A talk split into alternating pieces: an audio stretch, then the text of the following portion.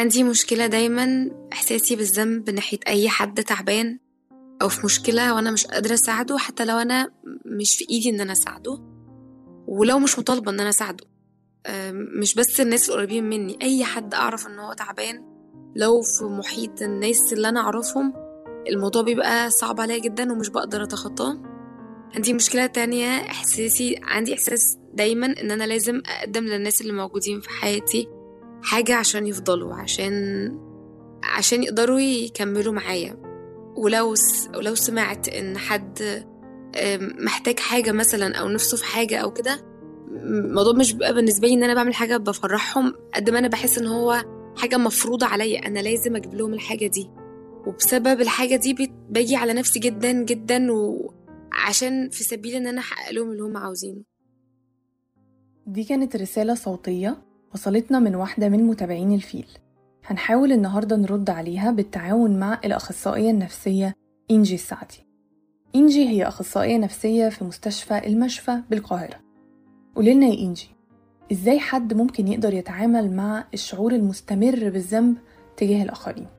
طيب هي كانت بتحكي في الريكوردنج بتاعها إنها دايما حاسة إنها لازم تقدم حاجة للي قدامها وإنها لازم دايما تساعده. بس ساعات بتبقى أو بيبقى الموضوع ده خارج المقدرة بتاعتها أو outside of her control.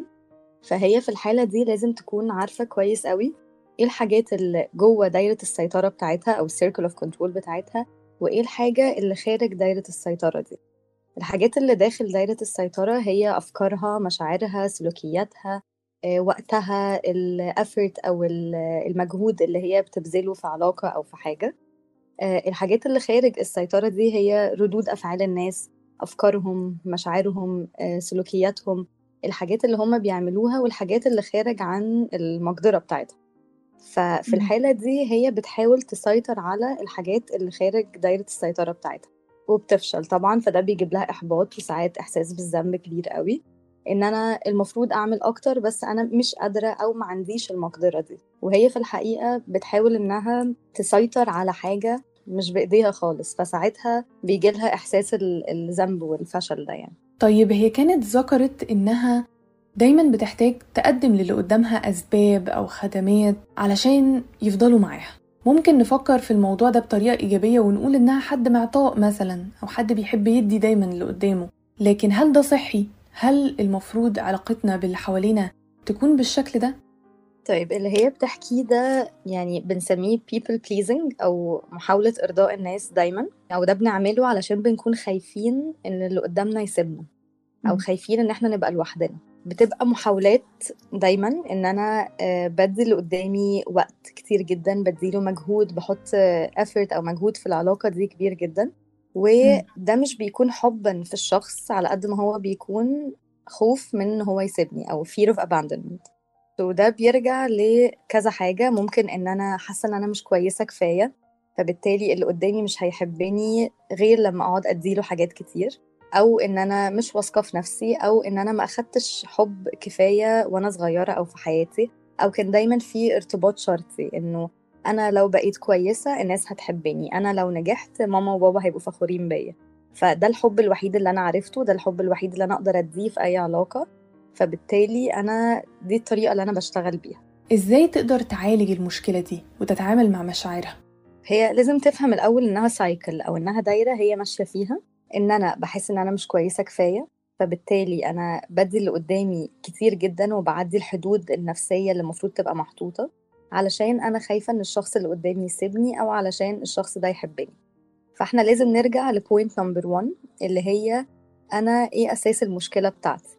أنا ليه بعمل كده؟ ودي حاجة بتبقى في اللاوعي بتاعي. يعني أنا مش ببقى مدركاها كل يوم بس بمساعدة أخصائي نفسي أو طبيب نفسي أنا ممكن أرجع للنقطة دي وأبتدي أعالجها من الأساس. يعني أبتدي أشوف هل المشكلة هي نظرتي لنفسي مش كويسة ولا طريقة النشأة اللي أنا اتربيت فيها أو طريقة التربية اللي أنا أخدتها وأنا صغيرة. ومن ساعتها ببتدي أحل المشكلة من ال core يعني. بتبقى دي دايما الحل لأنه صعب قوي إنه إنها توقف الاكشن اللي هي بتعمله أو محاولات إرضاء الناس لوحدها من غير ما تعرف إيه المشكلة الأساسية. وطبعا ده ما بيوقفش فجأة يعني مش بتصحى من النوم في يوم تلاقي نفسها بتدي أقل للي حواليها. مظبوط. وإن هي لازم تكون فاهمة برضو إن هي المشكلة مش في الأفعال اللي هي بتعملها أو في الوقت الزيادة اللي هي بتديه لشخص هي المشكلة في ال في ال الكور أو المشكلة الأساسية اللي هي إن أنا حاسة إن أنا مش كويسة كفاية حاسة إن أنا ما استاهلش إن أنا أتحب من غير ما أكون بقدم مساعدات وتنازلات رهيبة جدا. فهي لما تعرف المشكلة الأساسية إيه هتشتغل عليها وإيفنشلي في الآخر هتوصل لحل للمشكلة الأخيرة اللي هي إن أنا برضي الناس دايما عشان خايفة إن هم هيسيبوني ويمشوا.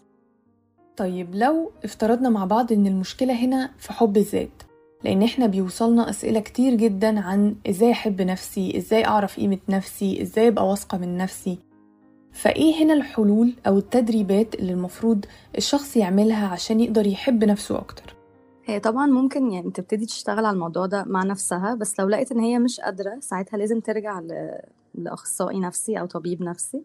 ده بيكون يعني لازم أعرف الأول برضو أنا إيه السبب اللي مخليني ما أحبش نفسي. يعني أنا ممكن يكون في شخص في حياتي علاقتي بيه توكسيك أو سامة وهو اللي دايما بيحبطني ودايما يخليني حاسة إن أنا مش كويسة كفاية. الشخص ده ممكن يبقى صديق أو أو أهل حتى يعني ممكن يبقى أب أو أم.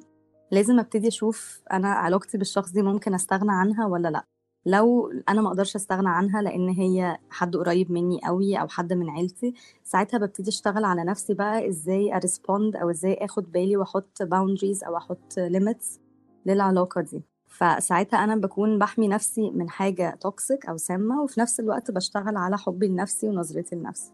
وصلتنا قصة قبل كده من واحدة كانت بتشتكي إنها لما في يوم من الأيام حد احتاجها وكان بيمر بظروف صعبة جدا وهي ما قدرتش تساعده بالطريقة اللي كانت تتمنى إنها تساعده بيها حصل بعد كده مشاكل كتير جدا في حياة الشخص ده أثرت عليه. ومن ساعتها وهي دايما بيطاردها هاجس إنها لو ما عملتش كل ما في طاقتها علشان تقدر تساعد اللي حواليها في مصيبة هتحصل. في الحالة اللي زي دي إزاي ممكن أتعامل مع هاجس زي ده؟ هي طبعا من اللي حصل ده ممكن يكون حصل لها trauma شوية أو جالها صدمة. هي لما ما حاولتش كفاية أو حاولت بإمكانيات بسيطة أوي إنها تساعد شخص هو انهار في حياته أو حصل له مشكلة ما يعني whatever إيه هي. بس هي دلوقتي لازم تفهم برضو إيه الحاجات اللي أنا أقدر أسيطر عليها وإيه الحاجات اللي أنا ما أقدرش أسيطر عليها. وده بيجيبنا ال point number 1 اللي إحنا اتكلمنا عليها من شوية وهي إن أنا أبقى مدركة إيه الحاجات اللي تحت سيطرتي وإيه الحاجات اللي خارج عن سيطرتي خالص. فساعتها بس هعرف إمتى أوقف. يعني إمتى أحط limits أو إمتى آجي عند الحدود النفسية بتاعتي وأقول خلاص أنا أكتر من كده.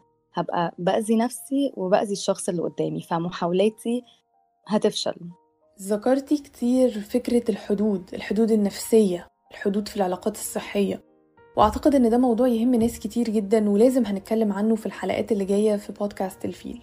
لو حابين تشاركونا أي سؤال أو أي موضوع نتكلم فيه في الحلقات اللي جاية هنحط لكم الرابط علشان تقدروا تشاركونا سؤالكم في رسالة صوتية.